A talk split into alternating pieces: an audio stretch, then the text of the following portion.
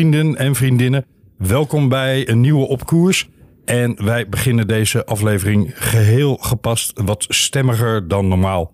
Want wat een ongelooflijk, ongelooflijk diep treurig nieuws bereikte ons allemaal deze week vanuit de Ronde van Zwitserland. Het overlijden van Gino Meder na een verschrikkelijke valpartij, kunnen niet anders zeggen. En uh, ja, dat doet natuurlijk de discussie weer aanwakkeren. Hoe moet dat toch met de veiligheid in het wielrennen? Daar gaan we het uitgebreid over hebben met Wesley en Jorn. Welkom Hoi, mannen. hoi. Dankjewel. Hoi. We gaan uh, zo even over nou ja, hoe uh, hebben jullie uh, het, dit ontvangen en meegemaakt en wat deed het jullie en doet het jullie. Maar ik wil de luisteraars toch nog even vertellen dat we ook nog ander nieuws hebben. We gaan het uitgebreid hebben over de Tour de France. De eerste voorbeschouwing erop. We gaan het hebben over de spannende etappes. Op wie moet je nou gaan letten? Zijn er namen die je misschien in je scorito-poeltje, als je daaraan meedoet, wil opnemen enzovoorts? We hebben de Chas Patat. En dat heeft iets te maken met het Nederlands elftal. We hebben een korte terugblik op de verloren Nations League wedstrijd. En een muzikale afsluiting. En ik heb zo'n vermoeden dat die wel eens iets met Gino Mede te maken kan hebben. Jorn. Ja, daar gaan we straks wel uh, op terugkomen, Camille. We gaan uh, van start. Welkom bij Op Koers. Ik ben José de Kouwer en je luistert naar Op Koers.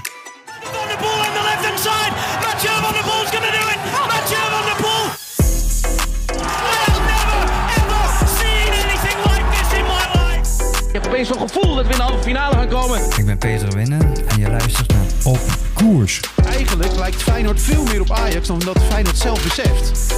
Dit is Bergkamp. Dit is Bergkamp. Max Verstappen in de laatste bocht in Barcelona. Dit is Bergkamp. Dit is Bergkamp. Jaren zit je naar dingen te kijken en te open. En daar is hij. Oh, chapeau, Tom de Malone. Amazing performance. Yo, hey. Yo, ho. Yo, fucking hell, bizar. Af, je ziet nu 1 kilometer vlak. Op Koers. Scream his name.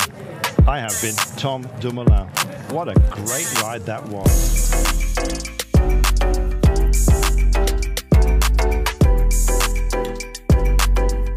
Jorn, Wesley, jullie keken natuurlijk net als ik naar de Ronde van Zwitserland. Of je dat nou live deed of via samenvatting of wat dan ook. En jullie zijn net als ik van die uh, nieuwsjunkies over sport en over wielrennen. Dus je zal ongetwijfeld gaandeweg de dag al in de ochtend, hè, dat het nieuws mij bereikte, ook zo'n bericht hebben binnengekregen, Gino Mede overleden. Ja, dan kom je onvermijdelijk uit bij een rubriek die we normaal voor heel andere doeleinden inzetten. Het moment van de week, want dat is normaal iets wat juist heel positief is. Waarvan we zeggen, nou, dat verdient een highlight. In dit geval verdient het om uit respect gewoon dat het overlijden van Gino Mede het moment van deze week is.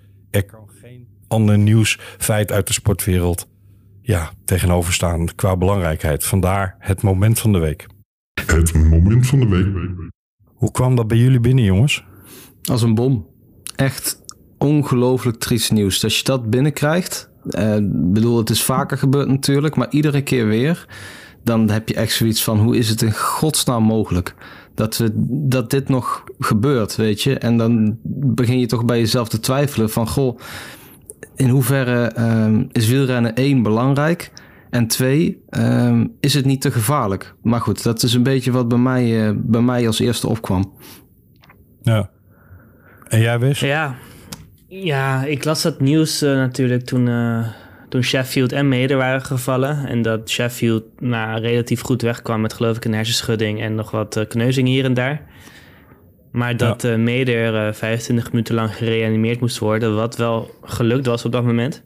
Maar ja, dan, dan heb je het gevoel van, nou ja, elk moment kan er nog wat anders komen. Nog wat anders, ander nieuws. En dan, nou ja, ik moet zeggen dat ik wel met meer dan normaal alle wielersites heb geopend en nieuwssites om te kijken of er nog een update was. En nog in de ochtend, een uurtje voordat het nieuws bekend werd dat hij overleden was, las ik dat er nog niks veranderd was. Ik wist toen ook al niet of dat nou goed nieuws of slecht nieuws, niet slecht nieuws was. Maar, maar ja, toen inderdaad een uurtje daarna dacht ik, uh, ja, toen zag ik, uh, nou ja, Meder is overleden, wat wel echt, uh, nou ja, weet je, het, natuurlijk elke, elke wielrenner die overlijdt is er één te veel en is echt bizar heftig. Maar nou ja, die jongen die was echt, uh, nou, de laatste jaren staat symbool voor aanvallende koerswijzes. Heel veel uh, entertainment, heel veel, nou ja, gewoon een hele talentvolle klimmer. Die volgens mij ook gewoon uh, nou, een goed persoon was. Let op zichzelf, let op de wereld, let op de planeet. Um, ja, des te triester is het natuurlijk. Dat maakt het ook wel bizar. Hè? Dit was bij wijze van spreken zijn achtertuin. Hij kende het gebied daar, naar men zegt, op zijn duimpje. En ja, dit, dit, dit zijn van die dingen die in een peloton gebeuren. Uh, daar gaan we het over hebben hoor. Hoort dit er nou bij of niet? En dat klinkt heel cru, beste luisteraars. Natuurlijk hoort overlijden er niet bij. Maar horen valpartijen daarbij? En ja, wat voor gevolgen kunnen die hebben? Ik moet wel zeggen, ik draai al enige tijd mee in het wielrennen. Uh, wat betreft uh, fanatiek volgen van wielrennen. En ik heb er al een paar zien gaan wat dat betreft. Maar toen ik het nieuws las van zijn valpartij dat vond ik toch wel even shockend hoor. Dat hij uh, levenloos in, drijvend in water gevonden werd. Ja, dat zijn van die dingen dat je. Koude rillingen. Echt letterlijk van zo'n bericht. Maar het gekke is dus, ja. Het overkomt dus ook iemand die daar heel erg bekend is. En die. Waarvan je mag aannemen dat hij weet hoe zo'n aanverdeling loopt enzovoorts. Dus. wat, zijn jouw, wat zijn jouw herinneringen aan Gino Meder, Wesley? dat ik en veel te weinig in mijn scorito-poeltjes heb opgenomen. Want elke, elke, keer als ik, elke keer als ik het niet deed, dan, dan harkte hij weer een aantal punten bij elkaar. En jij nam hem wel altijd op Camille, dus je hebt daar ja, aardig wat punten op me gewonnen. Maar nou ja, alle gekheid op een stokje. Nou, wat ik net al zei, het is natuurlijk gewoon een... nou ja, het was een uitstekende klimmer die echt elk jaar weer een stukje verbeterde. Heel aanvallend koersen Natuurlijk ook die ene keer in Parijs-Nice geloof ik... dat Roglic hem net in de laatste 30 meter als een komeet voor, ja, voorbij snelde. Ja. ja, echt... Uh, ja, dat, dat is de allereerste herinnering aan Gino Meder voor mij. Ja. Uh, dat hij kei en kei en keihard... Uh, volgens mij was hij neoprof toen of was hij tweedejaars? Ja, zoiets. Ja. Maar um, hij werd even hard met zijn neus op de profpeloton feiten gedrukt. Namelijk, joh, leuk, leuk, leuke poging. Maar uh, ik ben Primoz Roglic en ik denk dat het zelfs 20 meter voor de meet was, zoiets. Maar in ieder geval, hij werd kort voor de meet nog even voorbijgestoken. Ja, de raan voor de moeite, zeggen ze dan. Maar ook dat beeld, hè, aanvallend. Altijd, ja, alla de nieuwe generatie. Het opzoeken van uitdagingen in de koers. Zo staat hij mij voor ogen. Iemand die zich niet, ja, proberen zelf kansen te creëren. Ja, klopt. Ik, uh, als je mij zeg maar zou vragen waar je Gino Meder aan zou herinneren, dan moet ik ook denken aan die rit die hij won. Hè? Dat is eigenlijk het hoogtepunt van zijn, van, van zijn carrière geweest. dat hij die rit in de Giro won, dat hij wegreed bij Mollema onder andere. En dat wij ook allemaal dachten van, ah mooi, Mollema kan hier een rit winnen in de Giro. Maar daar maakte Meder toch uh, korte metten mee. Want die, dat was gewoon een bergetappe en Meder reed weg bij, bij Mollema. En uh, ja, die liet hem best wel... Uh, die, die overklaste daar de, de, de ervaren Rot Mollema. Dus waarschijnlijk had hij ook wel een beetje geleerd van dat moment uh, met Roglic. Dat hij toch wat, uh, wat slimmer aan moet pakken. Dus een beetje het wachten, wachten, wachten wat uit wielrennen kennen. En op het juiste moment gaan. Ja, dat deed hij daar eigenlijk perfect.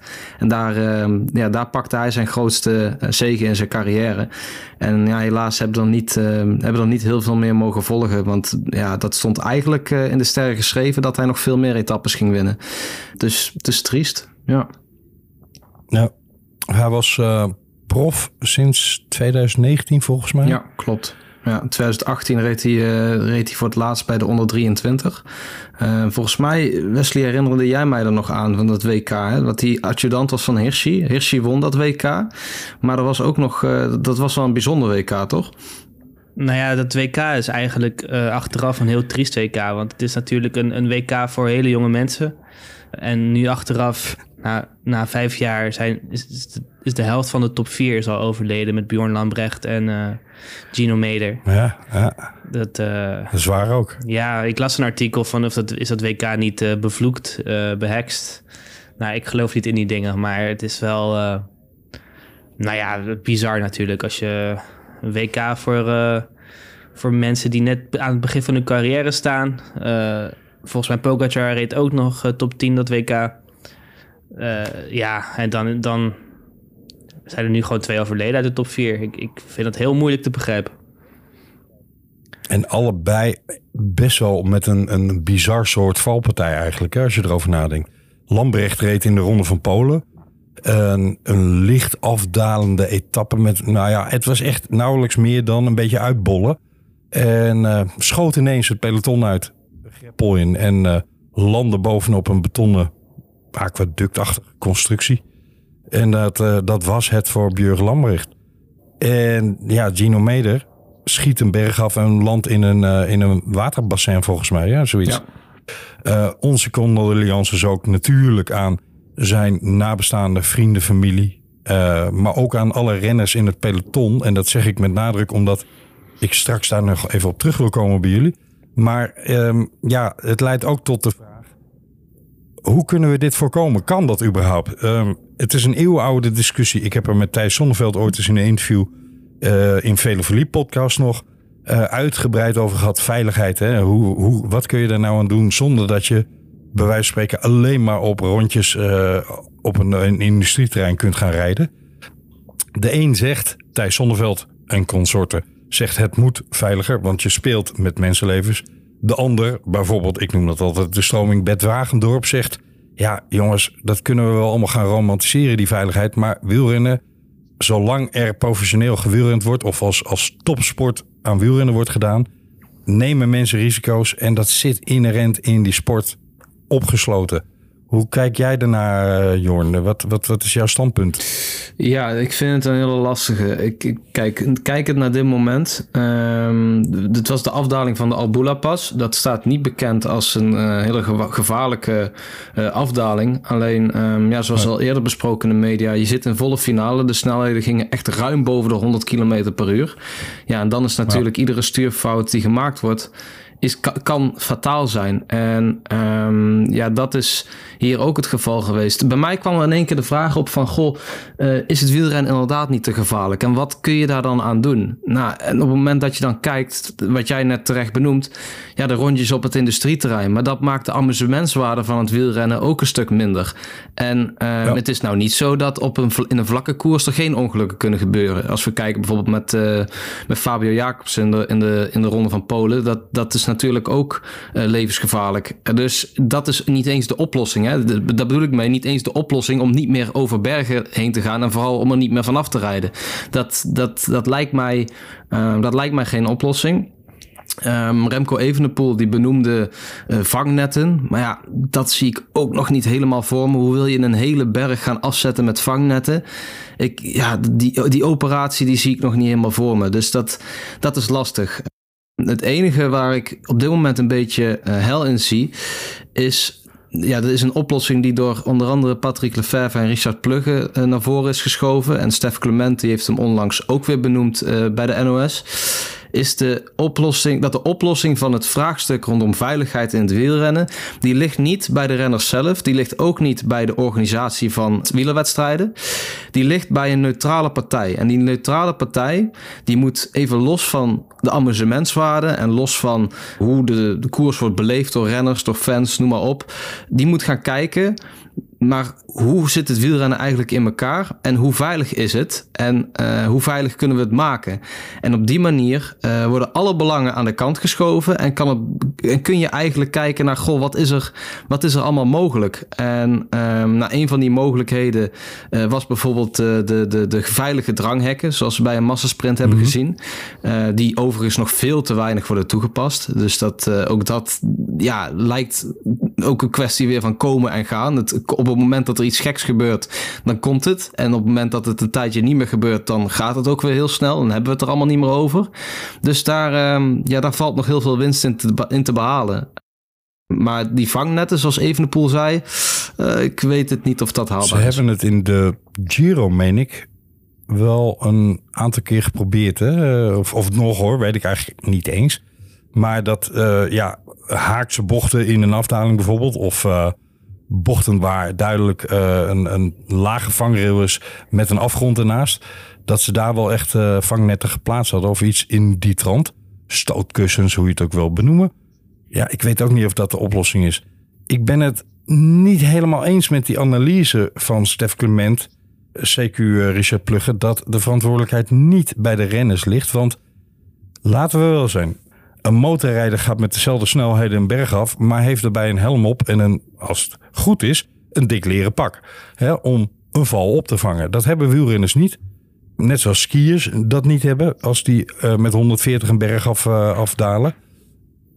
Er zal ook geen wielrenner zeggen: doe mij maar een lekker dik pak aan. Want dat is niet te doen met warme wedstrijden op de fiets. Sowieso, het fietsen niet lekker als je heel veel kleding aan hebt. Dat is gewoon een feit. Dus ja, waar zit de oplossing in? Ik denk dat het eigenlijk alleen maar gevonden kan worden in dat renners minder risico's nemen in afdalingen. Natuurlijk zit het hem ook in veiligheid. Hè? Parcoursbouwers die nadenken over... moeten we een geitenpad in de afdaling met heel veel zand op de weg enzovoorts doen? Moeten we een uh, zeer gevaarlijk naar beneden aflopende uh, sprintfinish organiseren? Ronde van Polen? Nou, dat soort vraagstukken natuurlijk. En misschien moet er nog veel strenger geselecteerd worden door een onafhankelijke partij op parcourskennis van, joh, dit is onverantwoord wat jullie hier aan parcours voorstellen, beste organisatie. Maar uiteindelijk is het toch de renner die de risico's neemt. Hè? Herinneren jullie die uh, afdaling van Pitcock vorig jaar in de Tour de France, Wesley? Zeker. Maar uh, ja, je zag Pitcock voor zijn gevoel waarschijnlijk vrijwel risicoloos, want hij had alles onder controle. Maar voor ons als kijkers en waarschijnlijk voor de mensen die die inhaalden, waaronder Chris Room toen de tijd, ja, zal die best wel risico's genomen hebben waarvan ze dachten, oeh, oeh, oeh, oeh, oeh. Ja, dat is, dat is toch de keuze die je als renner zelf maakt, of niet? Ja, ik vind het echt een hele lastige discussie, want... Ik ook. Je hebt... Dalen is een kwaliteit. Op het moment dat je die soort van... dat meer reguleert heb je dus nou ja, de Nibalis, de Savodellis, de Pitcocks, de Alaphilippes uh, van deze wereld. Die maak je eigenlijk gewoon minder waard als wielrennen. Ja. Het beroep dat zij uitoefenen. Klopt. Uh, dat vind ik dus een hele lastige discussie. Want wat had Nibali überhaupt een keer de, de Ronde van Lombardije gewonnen... als die uh, afdalingen niet zo extreem waren geweest? Nou, dat weet ik niet. Dus... Uh, ja, en het, uh, het, is een, het is een onderdeel, bedoel jij? Het, nou ja, als je daarin uitblinkt, dan moet je dat niet weg willen halen. Nee, nee, ik zeg niet dat ik dat vind, maar ik, ik kan me wel in die renners verplaatsen die denken van, nou ja, een afdaling, winst, daar kan ik, mijn, uh, daar kan ik het verschil maken. Net, net alsof je, je gaat ook niet de massasprints uit een wedstrijd halen, want dat is ook gevaarlijk. Want ja, wat gaan we dan met de Jacobs en Groenewegers van deze wereld doen? Dus ik vind het een hele lastige discussie. En en de, de, de vangnetten en de kussens. En ja, je zou dat in elke bocht natuurlijk wel kunnen plaatsen. Uh, maar ja, dan, ja, Wouter Weiland is ook niet overleden in de bocht. Dus. Nee, dat klopt. Maar ik vraag me af of dat kan. Of dat logistiek kan. Kan jij in iedere bocht van een afdaling van, de, van uh, een, een, een call in de Tour bijvoorbeeld... kun je daar vangnetten plaatsen? Kan dat? Nou, ik, ik vrees dat het een kwestie van geld is. Hè? En dat ja, heeft precies. de tourorganisatie misschien nog wel. Maar dat heeft zeker een ronde van Polen niet. Of een ronde van Zwitserland waarschijnlijk niet, weet ik niet. Maar er zijn genoeg rondes dat, dat overigens Zijstraat wel tot de discussie leidt. Uh, en daar ben ik het wel met Thijs Sonneveld helemaal eens. Dat de UCI veel te veel wedstrijden op de kalender plemt. Maar heel veel van die organisaties hebben gewoon niet de middelen om dat soort beveiliging aan te brengen. En als de UCI dat moet gaan voorschieten of sponsoren of betalen of wat dan ook ja, vergeet het maar. Want zo uh, daadkrachtig en uh, uh, rijk is de UCI zelf ook weer niet. Dus waar komt dat geld vandaan om dat te doen? Je ziet in Nederland al dat koersen afgelast worden omdat ze niet eens de beschikking hebben over voldoende agenten om een parcours gewoon vlak af te zetten. Ja, er komt wat bij kijken hè, om, om een hele afdaling. En stel dat je dan drie of vier calls in een etappe hebt zitten. Ja, hoe ga je dat doen, joh? Maar goed, dat zijn beren op de Komen we uit die veiligheidsdiscussie in deze aflevering? Nee, na nee. Natuurlijk niet, nee. Moet, nee, moeten we erover na blijven denken? Zeker. Zeker. Moet er ook wat ja. gebeuren in plaats van alleen maar nadenken? Absoluut. Alleen ja, wat dan?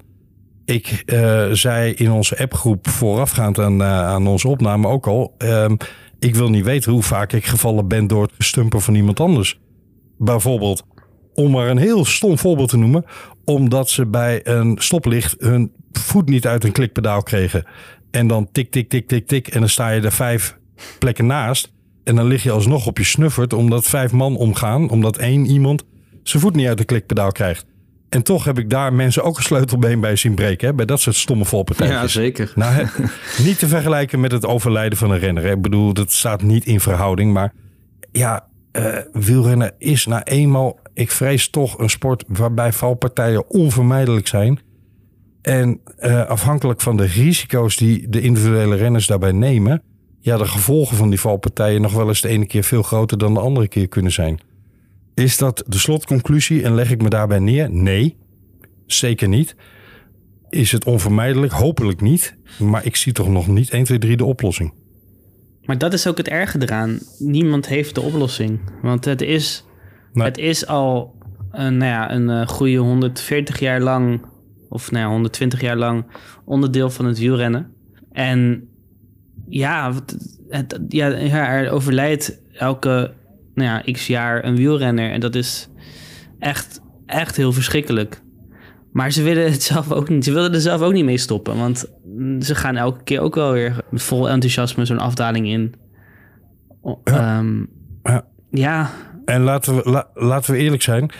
Vroeger keek ik heel fanatiek naar American football, beste luisteraars. En inmiddels is bij American football wel duidelijk dat er heel veel oudspelers hersenschade hebben opgelopen door al dat gebeuk. Bij boksen is het bekend hè, dat de kans op Parkinson bijvoorbeeld nogal veel groter wordt als je maar genoeg klappen op je hoofd krijgt. Ja, dat, dat, dat zijn risico's waar je wel bewust mee bezig bent als sporter. Ja, dat wil ik zeggen. Die bewustwording die is heel belangrijk, hè, Camille? Want het is voor mij onbegrijpelijk dat die afdalingen die wij dus nu op tv zien, de pitcocks eh, van deze wereld, dat daar vroeger gewoon zonder helm naar beneden werd gereden. Hè? Dat is nu ook ondenkbaar. Dat is geloof ik de helmplicht is sinds Kivilev, die toen overleed in, eh, Ja. in het begin, eh, Ja. ja, echt 2003, Min hè, of meer. Parijs-Nice, zoiets. Dat is de helmplicht. Ik kan me dus echt gewoon niet voorstellen dat ze vroeger gewoon de massasprints en de afdalingen zonder helm ingingen. Ja, jij hebt die tijd nog echt heel goed meegemaakt, Camille. Maar ik, ik, was dat toen gewoon dus gewoon normaal? Sterker nog, mag ik dat woord gebruiken? Nou, je was iets wat begint met een M en eindigt op nietje. Als je wel een helm op je hoofd had in die tijd. Dan weet je echt, echt, eh, ja, dan weet je wel eh, met gekke ogen aangekeken. Eh, overigens, bij de eh, junioren, de jongelingen enzovoort, de espoirs, moest je zo'n worsthelmpje op. Hè? Ik weet niet of jullie die nog meegemaakt hebben. Dus niet zo'n zo'n plastic of carbon of wat dan ook wat we tegenwoordig maar gewoon zo'n worst. Die dingen hebben een naam, maar ik ben het hartstikke kwijt. Ja, ik weet hoe ze Anyway. eruit zien. Ja. Ja, en ik, ik moet eerlijk bekennen dat ik er wel altijd mee reed hoor. Eh, dan maar voor joker staan. Maar ik was als de dood om op mijn hoofd te vallen. Eh, ik ben ooit eens een keer op mijn tanden geland. En, eh, en heb ze daarbij aan het asfalt prijsgegeven. Ja, dat vond ik eigenlijk wel genoeg. Dus eh, vandaar dat ik er wel mee probeerde te fietsen. Later, toen de gewone helmen die we nu kennen kwamen... en ik wel eens met vrienden en kennissen fietsen... gewoon een, koffieritje doen... heb ik het ook wel vertikt als mensen gewoon geen helm op hadden hoor. Ik zeg, eh, joh, je gaat niet mee op deze manier. Of ik ga niet met jou mee, een van de twee. Maar goed, dat terzijde.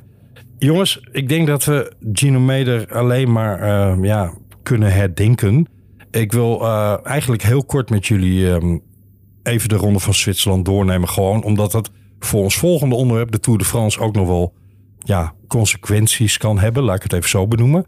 Maar ja, Ronde van Zwitserland is eigenlijk maar één ding wat we daar dit jaar van zullen blijven herinneren. En, en terecht. En dat is het overlijden van Gino Meder.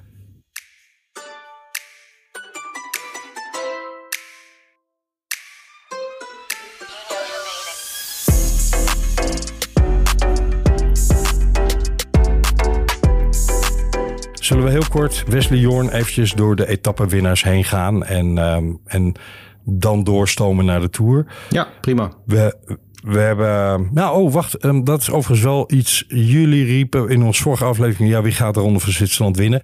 Kunnen we ook niet meer fair en square over zeggen... Was dat nou een goede voorspelling of niet? Want hè, er werd een etappe geneutraliseerd. En ja, daarna werd er een etappe...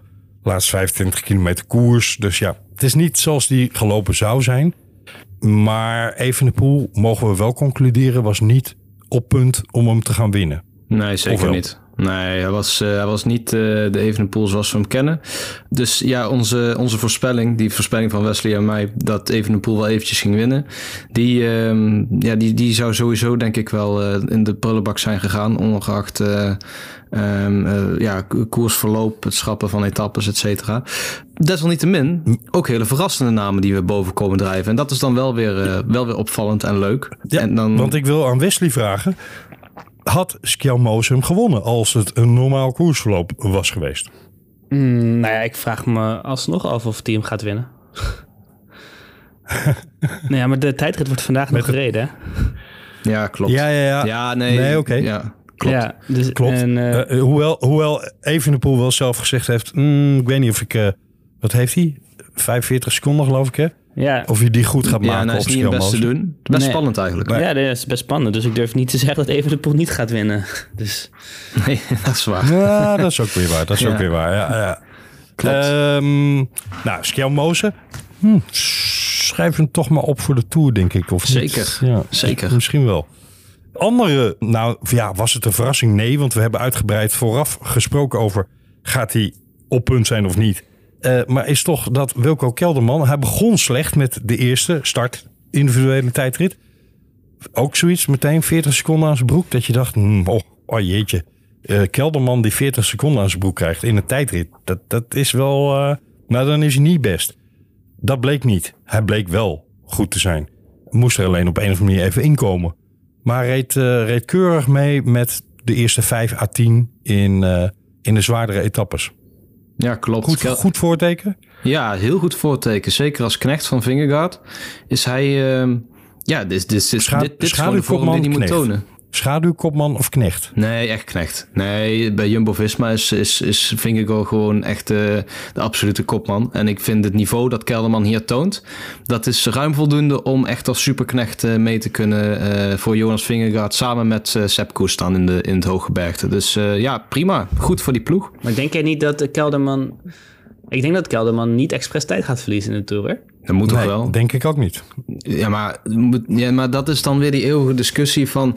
ja, nee, uh, hij gaat niet expres tijd verliezen... want dan kan hij druk houden in het klassement. Maar aan de andere kant, hij zal ook brandjes moeten blussen voor Vingegaard... als het daarop aankomt. Ja, dus als het nodig dan moet hij is. zich, ja, ja, dan moet hij zich opofferen. Dus ik geloof dat, ik ja, geloof dat, dat, niet. Ik denk dat Pogacar, ik denk dat Pogacar te goed is... om, uh, om dat uh, mee te kunnen nemen als Jumbo. Dan moeten ze echt in een soort luxe positie komen te zitten. Snap je wat ik bedoel? Dus die kans... Ik, ik snap wat jullie bedoelen, maar die kans is klein, denk ik. Hmm, nou, gaan we het zo in de Tour even over hebben.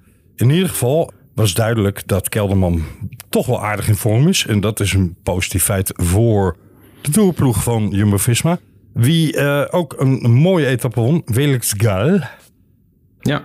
Ook leuk. Nieuwe naam. Ja, nieuw niet. Maar ja. hij, hij, hij, zei zelf, ik ben in de vorm van mijn leven. Nou, dat is ook echt zo. Want ik had hem niet opgeschreven, jongens. Felix Gal. Nee, ik ook niet. Nee, ik ook niet. Maar Scorito ook niet. Want dat is heel goedkoop. Wie, wie, wie, ik wel had opgeschreven was Ayuso. Ja, uh, maar zeker. Ook, da ook daar... Vorig jaar had ik echt heel, heel, heel, heel veel op hem gezet. Uh, zat hij ook in mijn ploeg. En viel hij toch tegen. Dat is natuurlijk wel een beetje inherent aan jonge jongens. Hè. Die kunnen de ene keer uitschieten naar boven en de andere keer toch nog weer uitschieten naar beneden. Hebben nog niet. Ja, noem mij maar van het ouderwetse wielrennen mensen. Maar die hebben nog niet de taaiheid van iemand die uh, al zes grote rondes gereden heeft. Wat mij overigens eventjes aan de beelden ontschoten is, is had hij nou weer een zwart-wit schoencombinatie aan? Of uh, is hij gestopt met dat grapje? Ik heb er niet op gelet. Nee. Hij heeft altijd een zwart en een witte schoen aan. Ik weet niet waarom. Gaan we toch eens uitzoeken. Zullen we de ronde van Zwitserland afsluiten en uh, naar de Tour doorstomen, jongens? Graag, is goed.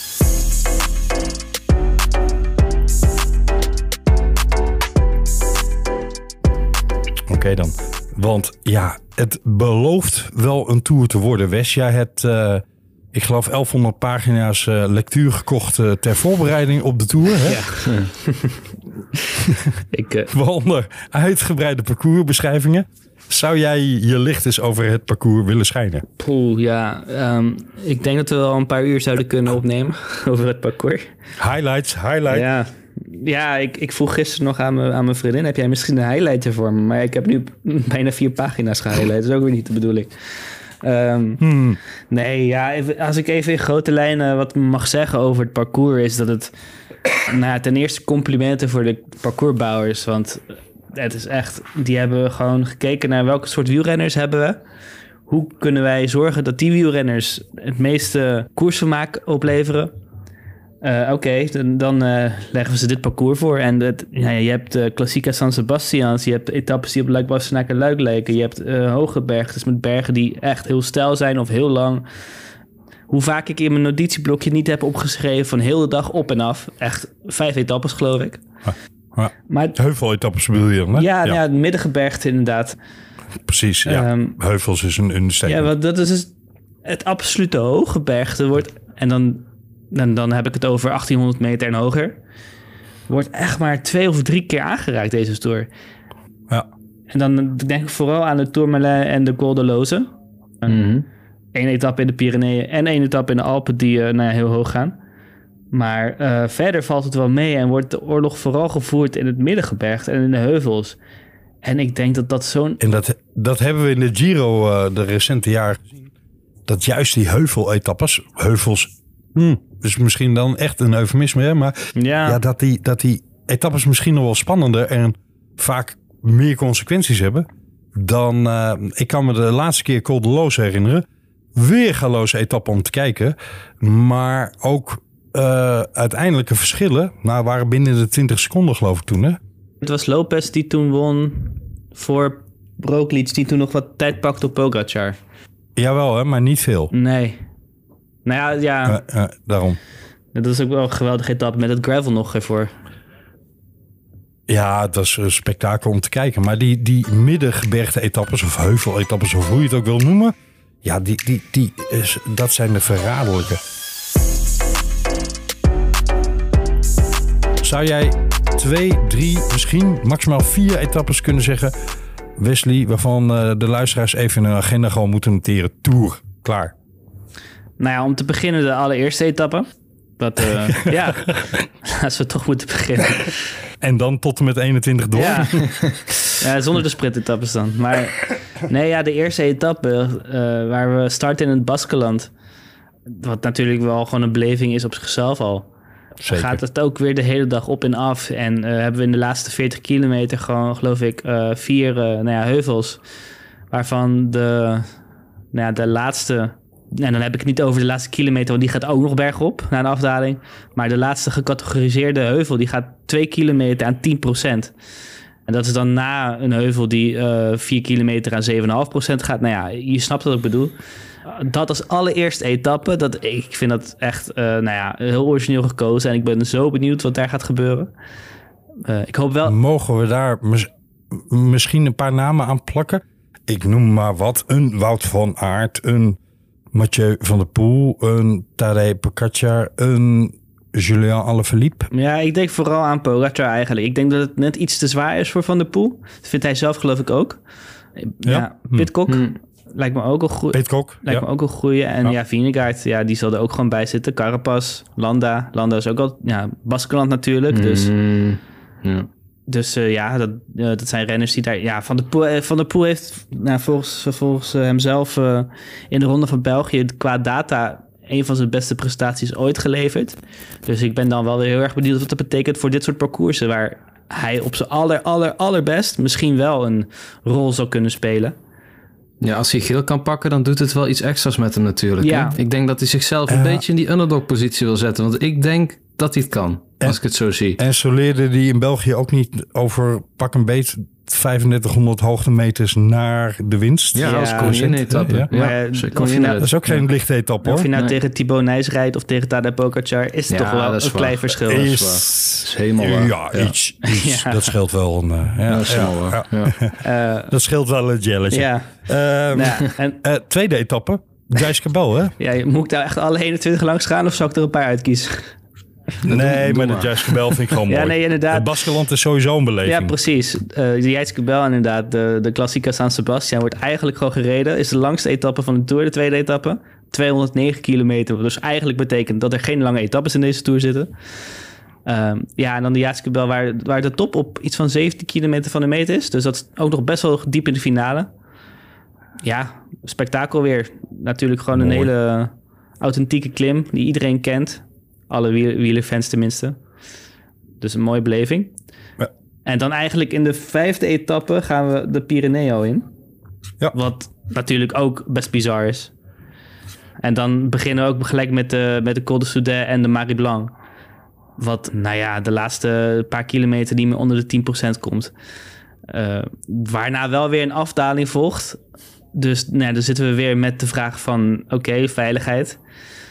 Ja, ik, eh, misschien moeten we ons daar nu even niet aan wagen. Maar nou ja, Het Pyreneeën is anders dan in de Alpen eh, vaak onoverzichtelijker. En ja, wat dat betreft ook gevaarlijker qua afdalen. Ja, klopt. Is mijn ervaring. Dus ja, dat is wel een relevant hoor, die je hier stelt. Want het zit nog kort in de klassementsopbouw. Hè. Etappe 5 staat nog van alles op het spel. Dan willen mensen misschien ook nog wel met de frisheid die iedereen nog heeft dan... toch ook wel een gokje wagen. Aan de andere kant zien we ook relatief vaak in ehm, dit soort etappes... kijk naar de Giro, waar soms in etappe 4 de eh, Etna al opdoemt... Ja, dat er uiteindelijk dan toch door een heel peloton kanshebbers gezegd wordt... is nog te vroeg, doen we niet. Ja. Eh, Maar ik denk dat zo'n Marie Blanc afdaling en die, eh die Soudet...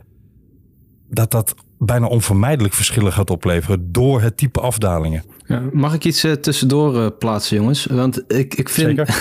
we hebben vorige week, en we gaan hier niet te lang over door... Hoor. Vorige week hebben we die discussie rondom Evenepoel gehad. Hè, of die wel of niet de Tour moet rijden.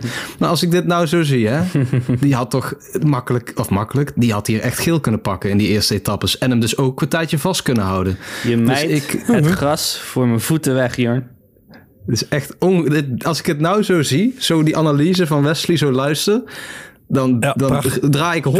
180 graden in die discussie. Dan Ja. zeg ik, waarom heeft hij in godsnaam nee, niet nee, meegedaan? nee, nee, nee, nee, nee, nee, nee, Jawel, nee, nee, echt nee, waar. nee. Hier had hij gewoon geel gepakt. Maar Dat- ik dat- had- dat- Luister Jorn, luister Jorn, ik geef jou zo'n grote Toblerone in plaats van een gewone Toblerone. Oh. Als, eh, dus draai maar weer terug, Ja, Oké, ja? ik, kom, ik kom al terug. nee, maar even zonder grappen. Dit is toch echt zo? Ja, maar dat ik, in de- onze discussie vorige keer had ik deze voorkennis natuurlijk al. En daarom zei ik, ja, even de Pol moet de Tour rijden. Want het Nou, had op je het wat nadrukkelijker moeten zeggen, Wes. Ja. Want dat was uiteindelijk het Nee, sterkste punt geweest. Onzin. hey, maar we gaan niet uitgebreid Nee, over niet. Nee, niet eh, in- Nee. en de Tour. Nee, daar gaan we het niet over De- mag ik van jou, West, de volgende etappe die buitengewoon, buitengewoon... Ja, dat Nee. kunnen er veel zijn, maar noem er eens Dan maken we de grote sprong van etappe 5 naar etappe 6.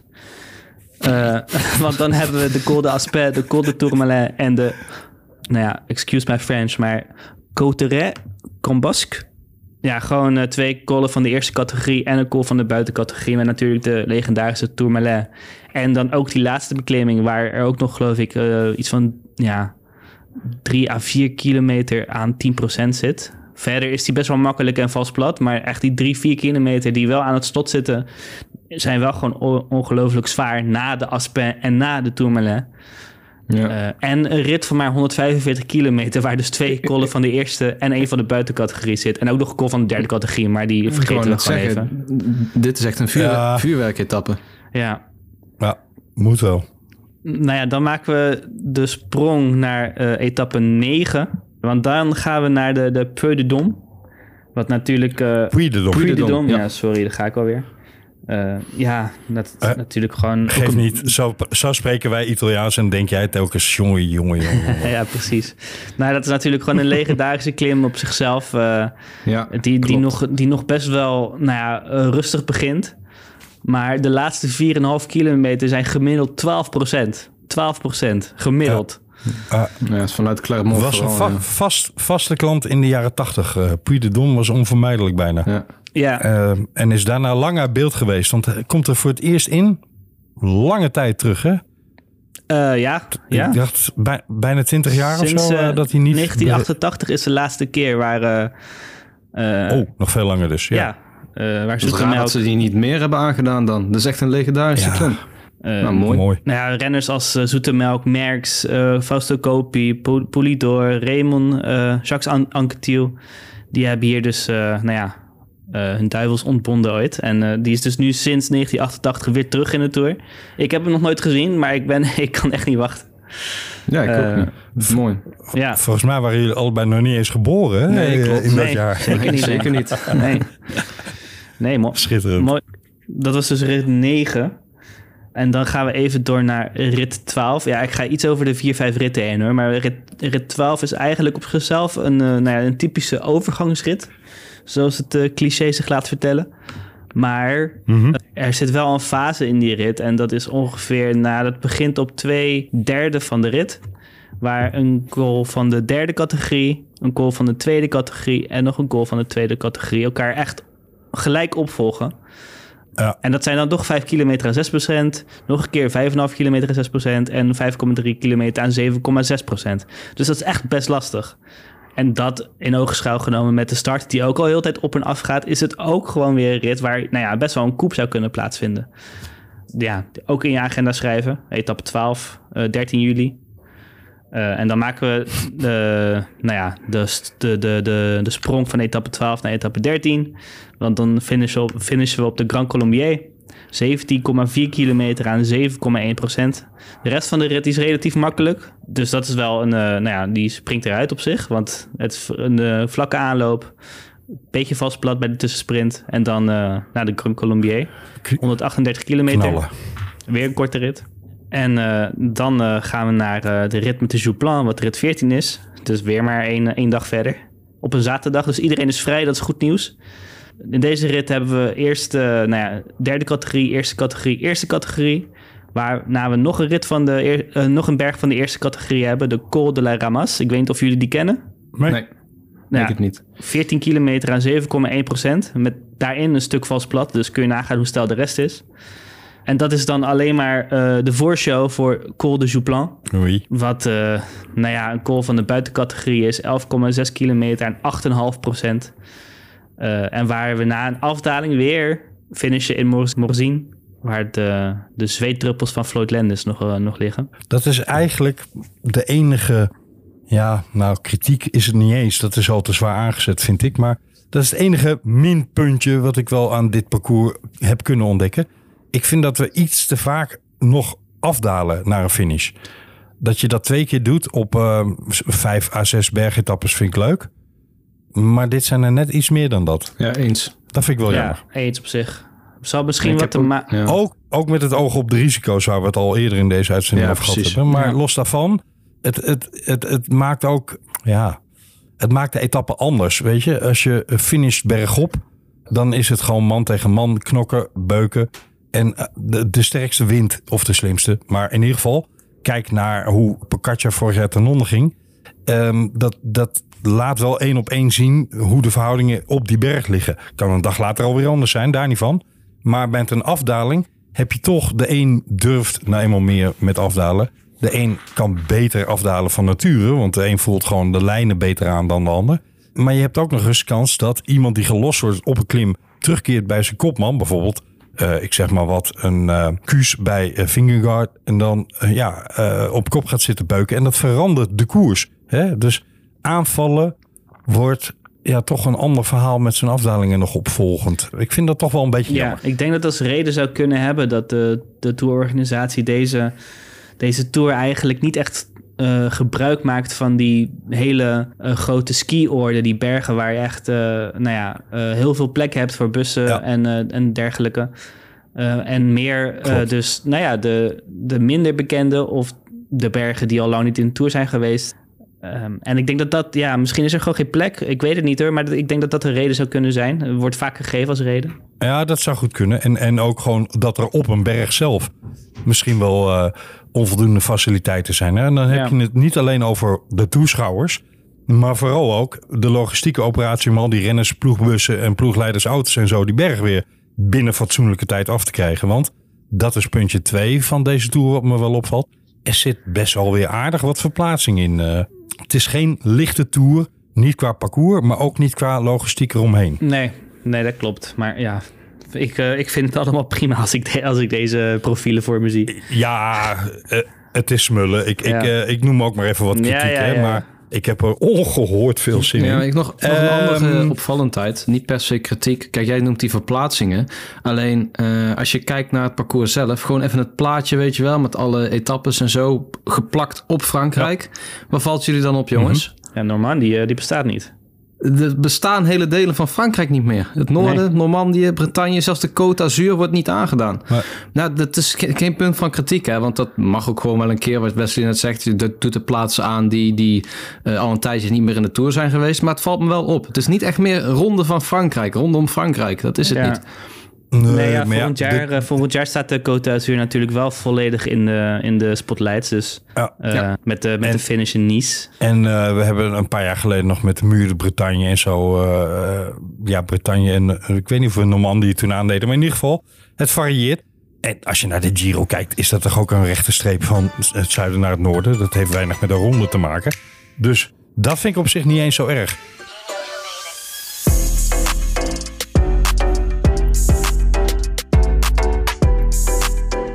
Nee, we hadden de rit natuurlijk met de Jouplan, waar, eh, nou wat ook gewoon puur vuurwerk is. Zeker omdat die rit ook maar eh, ook weer 152 kilometer is, dus eh, zeker niet lang.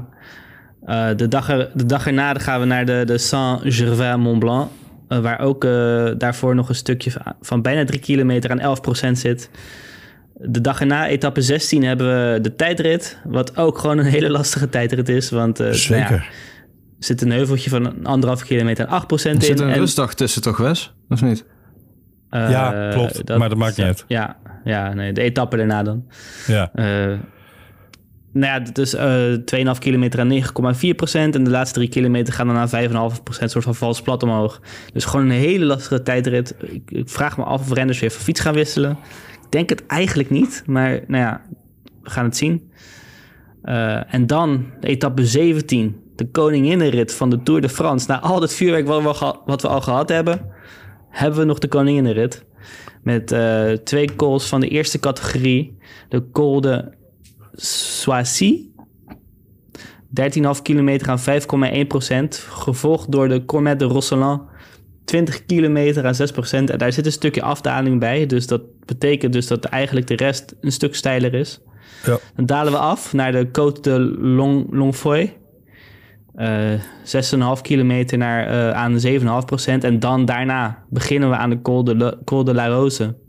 Col de la Loze. Lekker. 28,1 kilometer aan 6 procent. Ja, die Eh, kennen we nog wel. Die kennen we nog. Eh, de dak van de Tour. eh 23 meter onder... eh 23... Zo. 2300 meter hoogte. Eh waarna nog wel een korte afdaling, want de, de finish ligt niet op de top, zoals hij wel eh, deed in de Tour van 2020. Ja. Eh, een korte afdaling en de laatste kilometer die nou ja, aan een gemiddeld 10,8% omhoog gaat met een uitschieting tot 18%. Eh nou ja, een geweldige etappe, 166 kilometer, kort weer, op en af, hoogte, steilte, en afdalingen. Nou, dit is de absolute koninginrit met de 5000 hoogtemeters in zo'n korte rit. Eh, en dan eh, slaan we ja, twee sprintersritten even over. Eh, en dan de, nou, de rit voor de Champs-Élysées. Eh, waar Voor ja, Gezen. 134... Ja, en door de Vorgezen 134 kilometer, superkort. Maar echt, de- als, er, als het door nog niet beslist is... en zelfs als we denken dat die al beslist is... Ja. dan zou hier alles nog kunnen veranderen. Onze hele wereld kan opnieuw uitgevonden worden tijdens deze etappe. Eh, want gaat, hij gaat weer de hele dag op en af. Eh, drie goals van de tweede categorie, één van de derde en twee van de eerste. Met onder andere de Petit Ballon, 9,3 kilometer en 8,1 procent.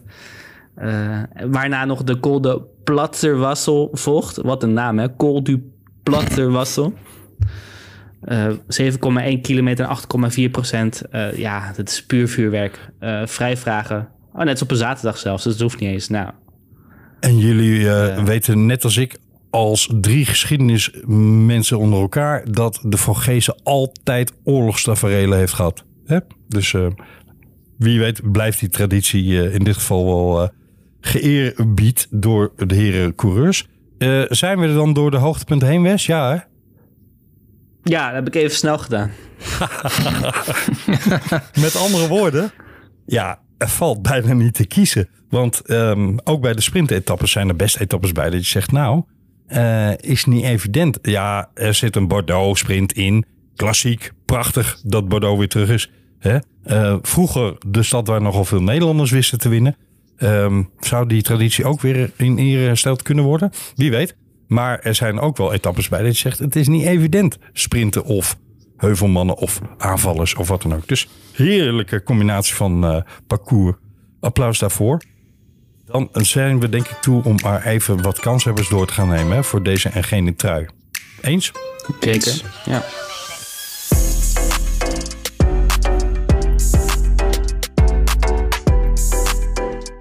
Dat, dat dit een spectaculair parcours is, staat vast. Dat dit een Tour de France kan worden, waar van tevoren de ingrediënten op een tafel klaar liggen om die allemaal in een kom te mieteren en er dan een spectaculair mooi beslagje van te maken, staat ook vast. Of dat gaat gebeuren hangt af van een flink aantal zaken. Eén opvallend feit van tevoren. Wie reed vorig jaar een weergaloze tour en ging met het groen naar huis? Van Aert. Won tijdritten, won sprintetappes, uh, won een bergetappe volgens mij hè? Ja, ja, vast wel. uh, nou ja, zeg maar, uh, deed alles wat uh, God verboden heeft om in één wielrennen te stoppen. Ja, fantastisch om naar te kijken zo goed. maakte de Tour heerlijk. Wie gaat er dit jaar niet voor het groen, jongens? Nee, die, die wil graag wereldkampioen worden een weekje na de Tour. Hè? Dus die heeft ja. andere plannen. En, en, en zijn vrouw is in de maand juli hoogzwanger. En het schijnt dat Wout van Aert heeft gezegd als die baby op komst is, ben ik riebedebie. Dan ben ik vliegen. Dan zit ik naast het bed en niet meer op de fiets. En daar, ja, ik kan hem daar alleen maar gelijk in geven. Daar niet van. Maar die kans bestaat natuurlijk dat dat gaat gebeuren. Dus dat is wel een risicoafweging als je hem in je scorito wil opnemen. Ja, en hij kost niet weinig. Nee. Wie hebben we nog meer als kanshebbers voor het groen? Wie zou de alternatieven kunnen zijn? Mijn topfavoriet is dan Jasper Philipsen. Ik vind die heel goed klimmen. Ik vind hem een van de ja, beste sprinters uh, dit jaar. Dus die is voor mij topfavoriet hoor, voor het groen. Ja. En uh, Mats Pedersen natuurlijk. Ja. Ja, hoewel... Ja, hoewel de Giro een beetje tegen. Nou, een beetje. Ja. Laat, laat een beetje maar weg. Viel gewoon heel erg tegen. Uh, heeft absoluut ja. zijn geld niet opgebracht in de... qua Scorito. Voor de ploeg is dat misschien een ander verhaal. Maar qua Scorito heeft hij zijn geld niet opgebracht in de Giro. Misschien was het een slechte generale en die leidt dan tot een goede uitvoering. Hè?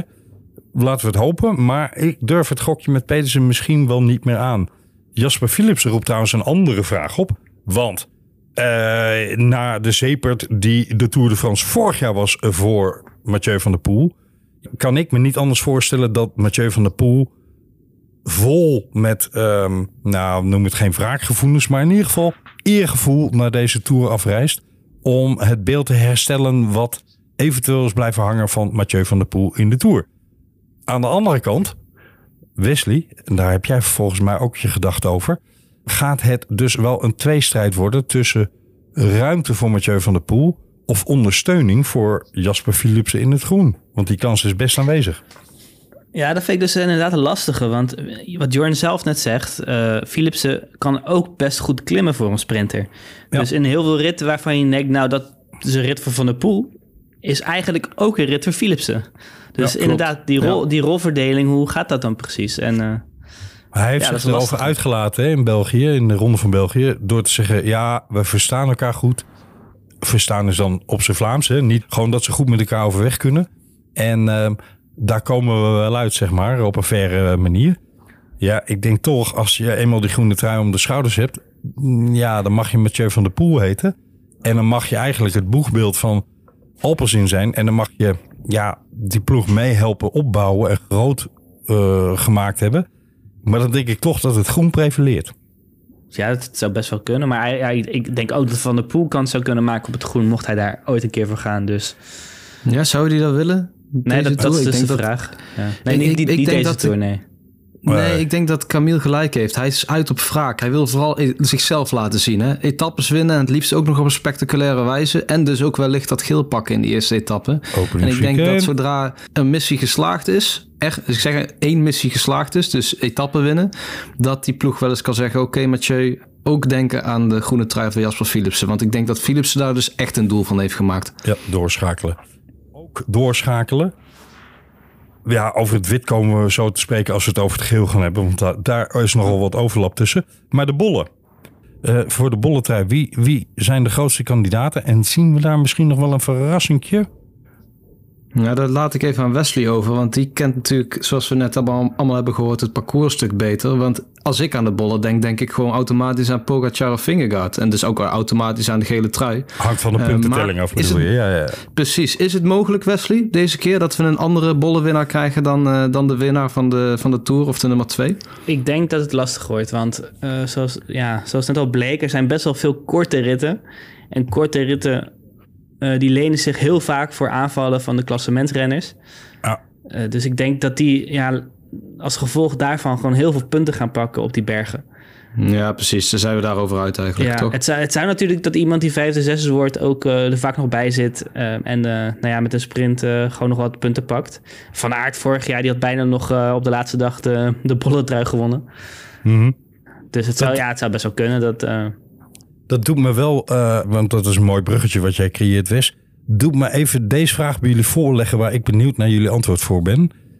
In, ik dacht 2019, reed zeker Julian Alaphilippe vaak vooruit. Pakte daarmee de bollen. Ehm, hij heeft de, het vermogen eh, in zich, en dan bedoel ik niet vermogen qua wattage, maar gewoon hij kan dat om goed een berg over te gaan. Maar niet in het topniveau van een Pocaccia en een Vingegaard. Maar ze laten hem misschien wel rijden. Is dat mogelijk nog een outsider, nu die weer goed in vorm steekt? Of is dit parcours gewoon veel te zwaar voor hem? Nee, nee, het is wel echt een, eh, een goede Alaphilippe. Een echte Alaphilippe in topvorm zou het wel kunnen. Ja. Voor de bollen. Maar je ja, wie ook bo- weet, je, ja. Een van de weinige outsiders Weet je- daarvoor. Hè? Ja. weet je wie ook bollen had kunnen pakken? Nou. Remco Evenepoel. Ja. Eh, je, maar je daar, zit, is het goed voor, toch? je zit op, En je, door, en op je tweede geel. Bij de derde geel krijg je 10 minuten time-out. Hè? Dan zet, zet ik je microfoon uit.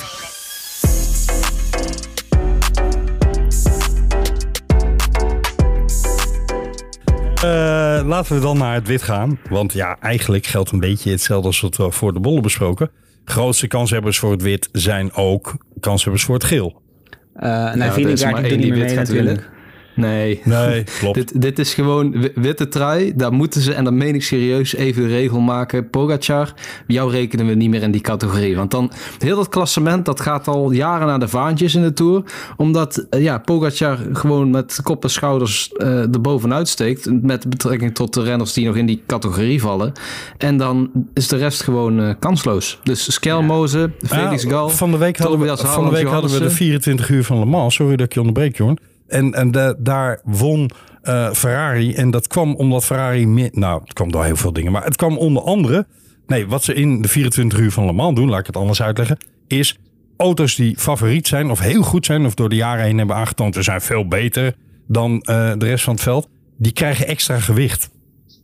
Een handicap dus. Ja, doe, doe Eh, maar. Zouden ze Ja. niet Pogacar moeten zeggen... Ja. Voor het wit sta Ja. je op 10 minuten achterstand. En fiets dat maar goed, jongen. Ja, eens. Ik, ik ben helemaal voor. Ja, dat Ja. eh, vind ik een hele goede regel. Nou ja, maar als we er wat serieuzer naar kijken, die, die grens van 25 jaar, die zou eigenlijk gewoon verlaagd moeten worden naar 22 Ja, jaar. Want dat is, dat is. Nee, gebaseerd op grappen. hoe het wielrenner was eh 20, 30 jaar geleden.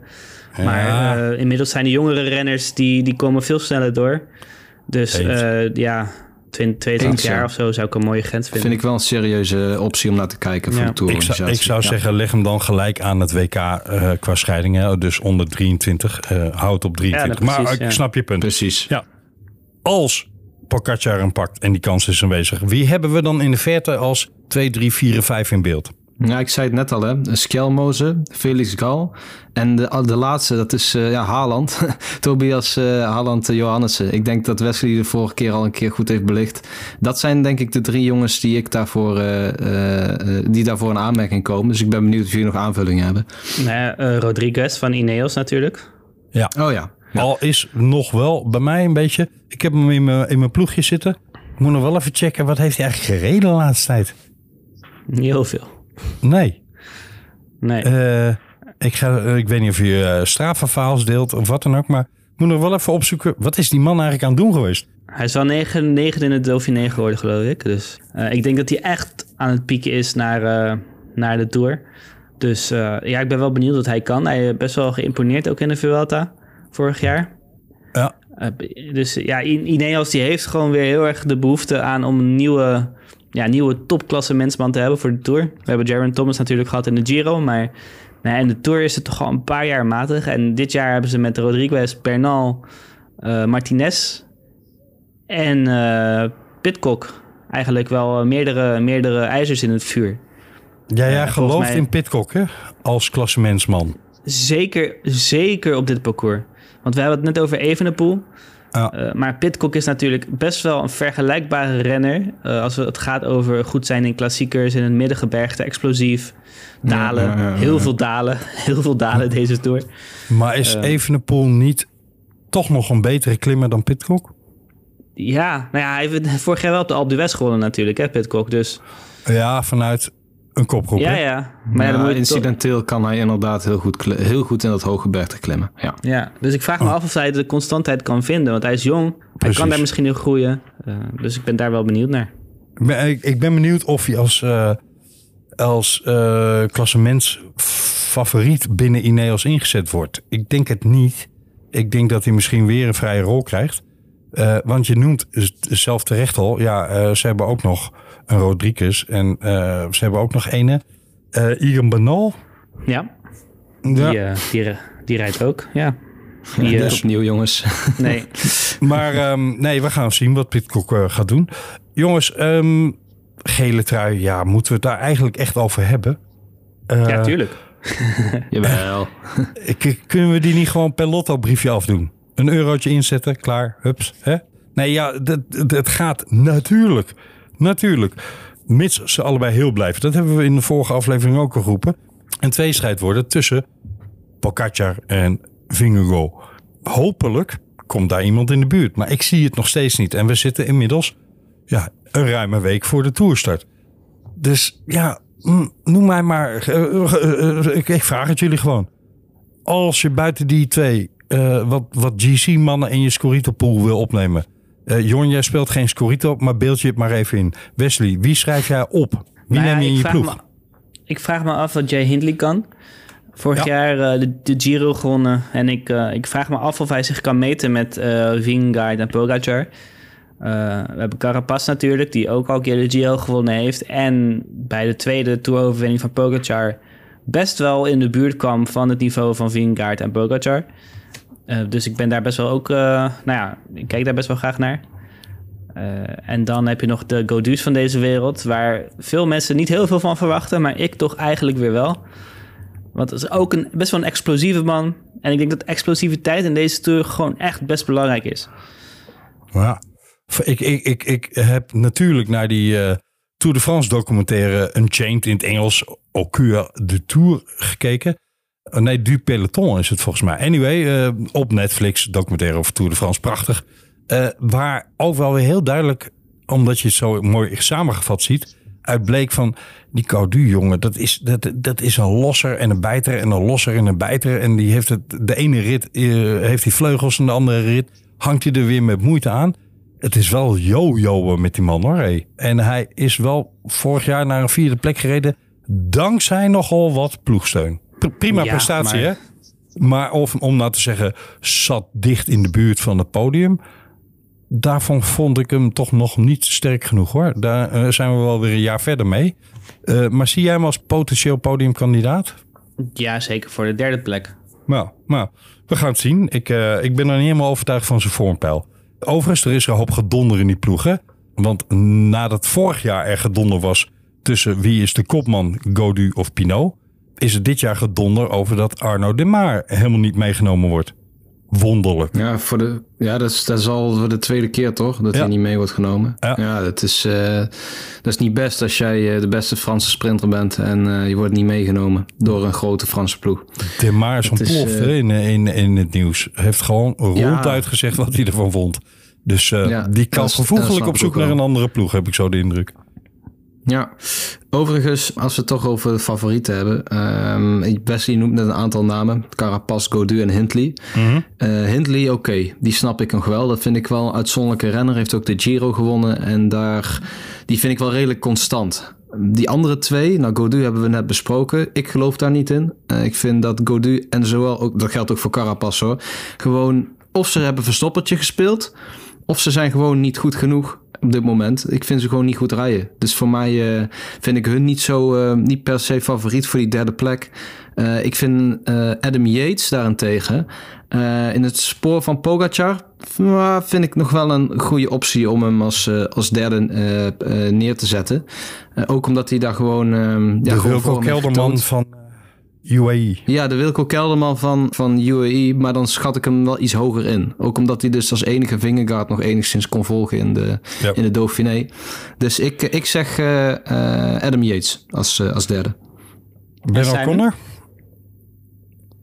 Jullie noemen twee namen. O'Connor. nee, pak eerst Simon. Simon. Pak eerst Simon. Simon Yates zou Ja. kunnen. Ja, die zou ik er ook nog wel. eh, vind ik ook nog een favoriet voor de derde plek. Ja, Adam gaat als knecht. Maar dan nog zie ik hem wel in het spoor meegaan.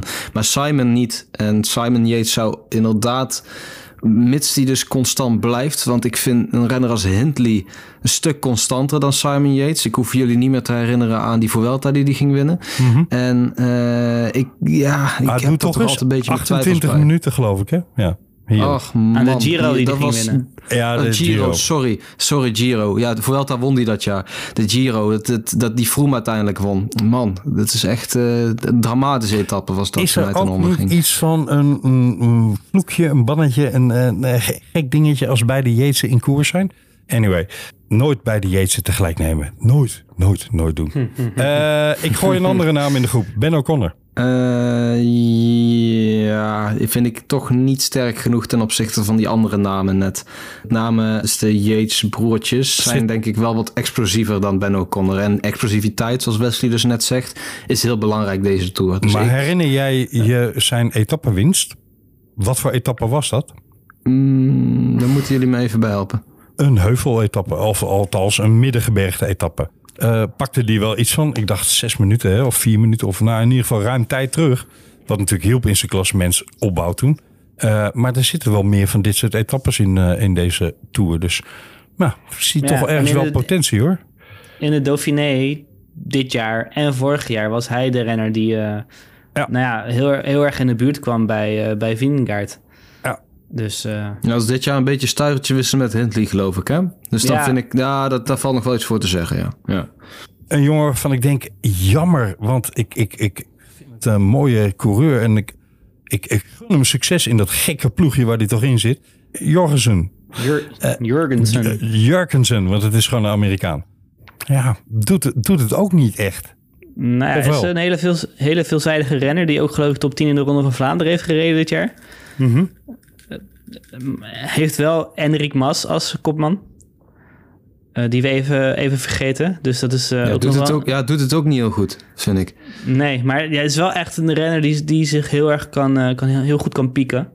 Dus ik, ja, dat, nou ja, dat koppeltje samen vind ik wel een hele interessante. Ook omdat we dus dat parcours hebben, wat gewoon eigenlijk een hele grote, lange klassieker is. Ben ik wel benieuwd wat, wat, Jurgen, wat Jurgensen daar kan. Maar dan zeg jij altijd in combinatie nemen met Mas. Ja, Ja, dat is wel iets wat je erbij moet eh, halen. Menomas. Menomas. En dan een laatste naam die ik erin wil gooien. Eh, en dat is ook weer eh, voor mij een hoge sympathiefactor. Pelo Bilbao. Ja, de, Ja, ja. ja. kan ook dalen. Explosiviteit, hè, middengebergte. Eh, en afdalen, kan hij ook Ja. goed. Maar, denk ik. die wordt geen derde. Nee, maar je moet, Nee. ook, je moet ook je top 10 eh, qua GC volmaken. Hè. Eh, wil je het een beetje als gebalanceerd ploegje doen. Ehm, Camille zit nu gewoon heel, heel hard aantekeningen te schrijven voor zijn, correctourpoeltje. Ja. ik, ik was. eh, Die even, voor, gebruikt dit gewoon. even voor de goede orde, beste luisteraars. Ik was de allereerste die mijn. eh, want in onze appgroep eh, laten we altijd zien wat onze eerste ideeën zijn over, eh, over eh, de, de ploeg. Eh, maar ik was de allereerste die, eh, die een ploegje had samengesteld, hè? weet je nog? Dus ja, even voor de goede orde. Overigens is daar van die ploeg ook niet veel meer over, hoor. moet ik dan ook eerlijk bekennen. maar dat dan terzijde.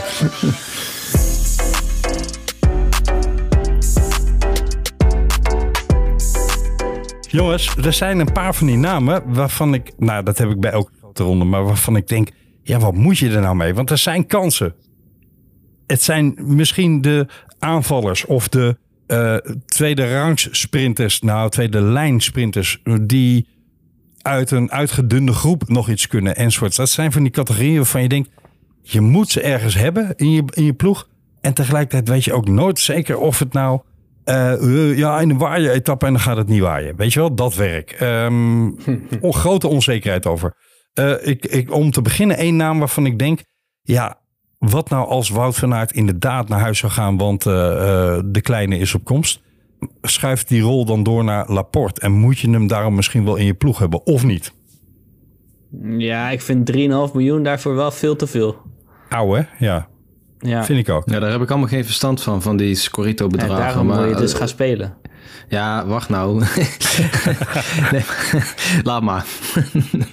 nee, ik, wat ik dus- zonder dus grappen. Wat ik, ja, Laporte, wou laat maar. zeggen is Ja, Laporte. ja. Nee, maar Laporte, Laporte is natuurlijk wel een renner die eventueel voor dagzegers eh, uitgespeeld kan worden. Hè? Dat heeft hij eh, zelfs in die. dat heeft hij vorig jaar toch ook een etappe gewonnen. Toen Vingegaard al, eh, al de tour ging winnen en zo. Dus ik, ja. Hij zit in de, in, de, in de selectie voor de Tour. hè. Mijn vraag aan jullie is: wat voor rol krijgt hij? Wordt dat, Knecht. wordt, ja, nee, da- dat snap ik. Maar wordt het een sprintaantrekker voor Wout van Aert? Wordt het een tweede sprinter? Wordt het een man die inderdaad in de golvende etappes vooropgestuurd wordt? Zeg het maar. Alle drie. Alle, alle, al het onderstaan. Ja, oké. Ja, alle drie. Dus, dus zou toch zomaar veel punten kunnen verzamelen. Ja, dat wou ik zeggen. Lastig, hè? Snap je wat ik bedoelde met deze categorie? Eh, hebben we zo nog een paar namen? Ik noem maar wat. Fred Wright. Ja, Ja, dit, ik, eh, ik, Nielsen Paulus kan ook. Ja, ik had de F al in mijn mond van Fred Wright, maar... Ja. ja, ja, en uh, Brian Coca. Oh ja. Ja. Dit moet wel een beetje de tour worden van Kokar, heb ik het idee. Hè? Dat hij eindelijk eens een keer eh maar dat riepen we vorig jaar ook, hè? hey, kom op. Ja, klopt. Maar Ik- dan, dan, dan roep ik het nu weer. Ja. Volgens mij is Kokaar onderhand bijna veteraan sprinter. En dan roepen we elke keer dat het zijn doorbraak moet worden. Dus eh, ergens blijft hij ook wel hangen op dat niveau. Maar ja, er zit potentie in, zeker. zeker. Hebben jullie nog een verrassende naam waarvan je zegt, let erop, we hebben... Nee, nee Train- ik, ik, train zei al net, genoemd? ik zei net Paulus. Maar Paulus. ik zei net Paulus omdat ik vind dat hij als eh ritterkaper gebruikt kan worden. Ik weet niet wat hij al uitspraak heeft gedaan. Of hij voor het klassement gaat of, eh, of voor etappenzegers. Ze hebben Ehm, Carapaz natuurlijk ook in dat team, hè? Ja, ja, maar ook die weet ik dus niet of die voor etappes of voor het klassement gaat. Ja, zal voor het klassement gaan, maar ik denk dus dat die dat IF zou er goed aan doen om die twee juist voor etappenzegers eh, klaar te spelen. Zij het niet omdat, eh omdat Carapaz niet constant genoeg is. Maar wel een goed eindschot heeft en daarmee op heel veel etappes eh, kans maakt op de, op de ritzegen. En dat geldt eigenlijk ook voor Paulus. Paulus niet, reed niet goed in de Ronde van Zwitserland. Maar hij heeft wel heel veel top 10 plekken in, eh, in klassiekers dit jaar behaald. Dus ik zou die wel als rittenkaper inzetten als ik de ploegleider was van, eh, van IF. Dus die zou ik ook wel opschrijven, ja. De vraag is of IF gaat afwachten tot het eerste slagveld geweest is. En dan zeggen, oké, klassement is verloren en nu gaan we voor de ritten. Of dat ze dat bij voorbaat gaan kiezen. Dat is eigenlijk de vraag voor de rol van Niels en Paulus. Als het klassementsondersteuning voor Carapaz of schaduwkopman wordt, dan denk ik niet dat je eraan moet beginnen. Als het rittenkaper wordt, dan ja, interessante naam. Absoluut. Zeker. Ja. Maar, ja. Ja. we hebben de sprinters niet genoemd. Ehm, buiten Van Aert, Philipsen, duidelijk. Maar er zijn ook twee Nederlanders die veel aan het winnen zijn. Groenewegen en Jacobsen.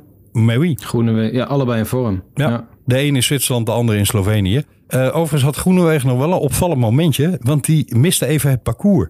Ja, dat klopt. Ja. Gebeurt ook één keer per seizoen wel een keer weer, hè? Dat eh, iemand toch even verkeerd rijdt. Of een En toen won hij de. Schelling. Ook mooi. Heeft hij weer eens een, eh, een positief resultaat.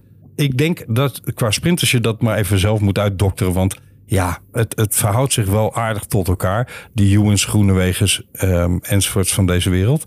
Jacobsen natuurlijk. Maar wat ik in ieder geval heel leuk vind. Hij doet mee en hij won ook een sprint. Prachtig. Is Binike Mai. Misschien moet je die ook wel opschrijven. En in je ploeg opnemen.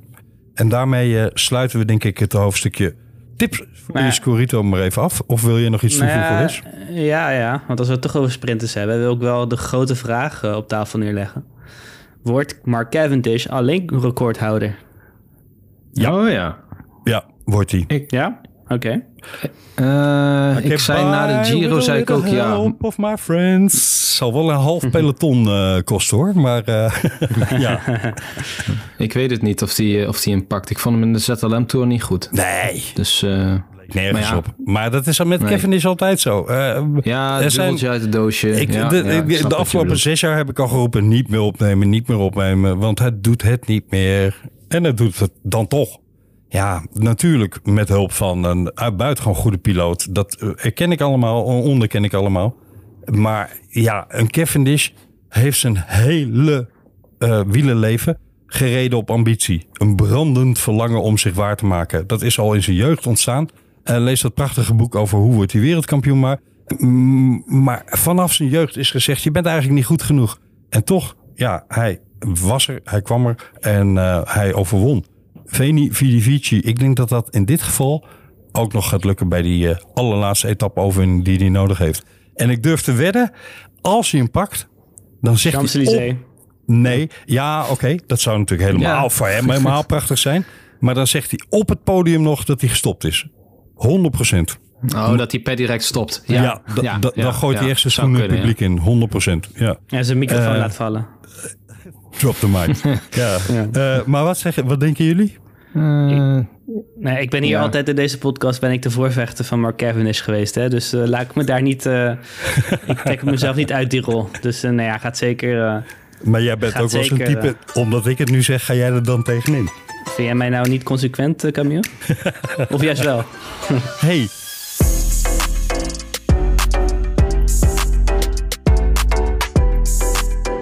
Ik denk dat we hem afsluiten, want ik proef een heel mooi bruggetje naar onze Chas Patat.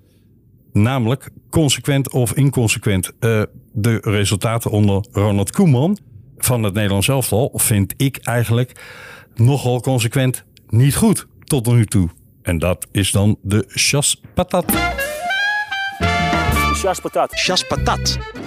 Nou, ik moet wel eens nodig sassen. Dat kan wel kunnen, ja. Jongens, jullie hebben de, ongetwijfeld net als ik naar uh, um, ja, de wedstrijd gekeken Nederland-Kroatië. Vonden jullie het... Uh, nee, wat, wat, wat, vonden jullie van, van de wedstrijd aan zich en het niveau van het Nederlands elftal? Ik vond de eerste helft uh, prima. Volwassen. Kleur op de wangen, zoals ze dat onder Koeman al heel vaak hebben gezegd. Mhm. Mm -hmm. En uh, een aantal spelers zal Wesley wel, wel, wel leuk vinden. Geertruida, Wiever. Ontzettend goed. Uh, Donjan Malen die zijn die vorm liet, liet, zien, die hij bij Borussia, Borussia Dortmund heeft meegenomen. Ja. Dus dat is positief. Alleen het zakte een beetje in Be de tweede helft. Beetje? Het zakt. Ik bedoel, slotoffensief, hè, waardoor de 2-2 ontstond, prachtig. Maar daarvoor niks meer in te brengen, toch? Nee, niks meer. En dan één persoon uh, wil ik daar wel uitlichten. Dat is Teun Koopmeiners. Die doet het ontzettend goed bij Atalanta. Maar daar zie je echt tot nu toe niks van terug in het Nederlands elftal. En dat is nee. zo jammer. Want iedere keer dan denk ik... Nou, die zal wel als eerste op het papier staan. Want weer een hele goede serie achter de rug in Italië. Toch een grote competitie. En iedere keer weer denk je... Kan daar geen betere in komen? Want ja, maar goed, wie dan? Want Wijnaldum was ook niet heel erg goed.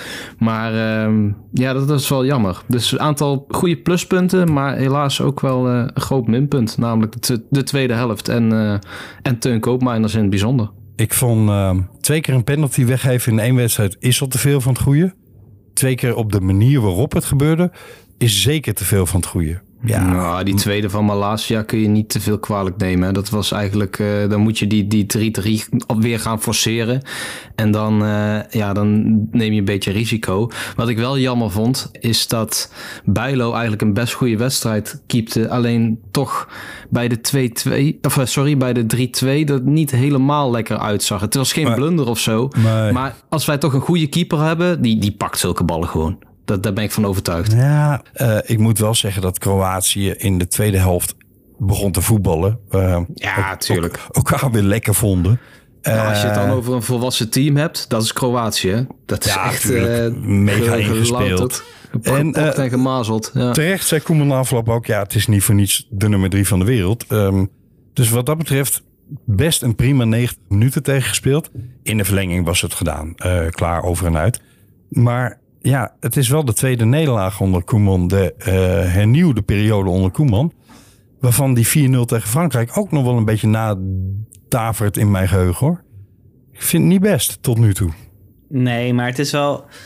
Ja, eens op zich. Het is, het is nog niet heel veel. Maar nou ja, als je van je eerste drie wedstrijden... je de tegen Frankrijk speelt en één tegen Kroatië... Ja, zou het kunnen voorkomen dat je die allebei verliest. Als, nou, dat kan elk land uh, gebeuren. Tuurlijk. Uh, nu is het wel dat we tegen Frankrijk natuurlijk wel helemaal weggespeeld werden. Waren het niet dat we toen wel met een griepgolf te maken hadden... en we geloof ik met uh, onze halve B-selectie moesten spelen. Ja, maar toch was hij pijnlijk. Toch was hij pijnlijk.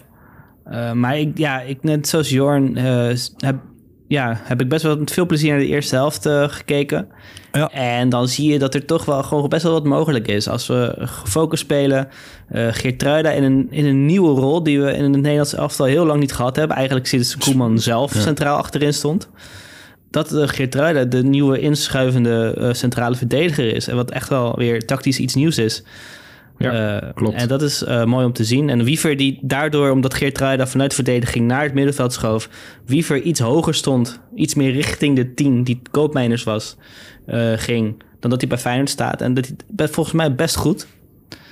Um, dus ja, het zijn wel weer leuke tactische vernufjes die, die zichtbaar waren... en waar, nou ja, waar we best wel weer op voort kunnen beduren, denk ik. Potentie is er, dat zag je in de eerste helft. Zeker in vergelijking met de wedstrijd tegen Frankrijk. Onvergelijkbare elftallen in het veld, daar niet van. Maar ik vond toch het wegzakken in de tweede helft schrikbarend hoor. Uh, kwamen er gewoon niet meer aan te pas. Leek ook conditioneel dingetje te zijn. Maar die Kroaten hadden het net zo warm. Uh, zijn daar misschien wel iets meer aan gewend. Maar toch, ja, uh, het, het leek... Dat middenveld. Och, ja. och, och.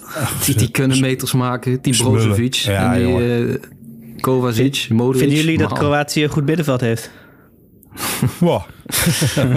wow. Dat is toch niet geen naam hebben. Best Mag geen naam hebben. Nee. Best ja. Jongens, uh, ik zit vanavond in het stadion, want we nemen dit op zondag op, beste luisteraars. En daar waar ik gehoopt had Nederland in de finale te treffen, wordt dat Kroatië-Spanje. Uh, waarvan ik eerlijk moet zeggen dat ik uh, Kroatië veel frisser vond voetballen dan Spanje of Italië. Ook een beetje uitgebluste indruk. Net zoals Nederland in de tweede helft. Dus het uh, gaat mij, zou mij niet eens verbazen als Kroatië deze binnen gaat slepen.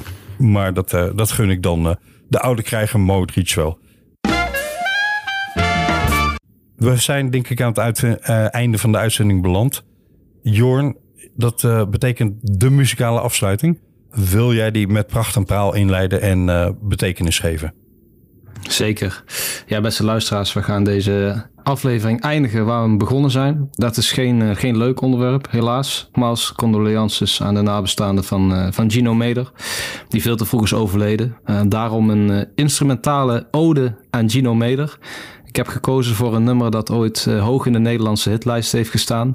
2009 gemaakt door een groep uh, genaamd Kiteman. Misschien kennen jullie hem nog wel. Uh, de groep die, die woonachtig was geloof ik allemaal in dezelfde straat. Nou, in ieder geval niet belangrijk. Ik laat het nummer voor zich spreken, dus geniet ervan. Dit is Kiteman met Sorry, live op Lowlands 2009. Bedankt voor het luisteren, beste luisteraars. En tot de volgende. Houdoe. Alla prossima. Vota. Ciao.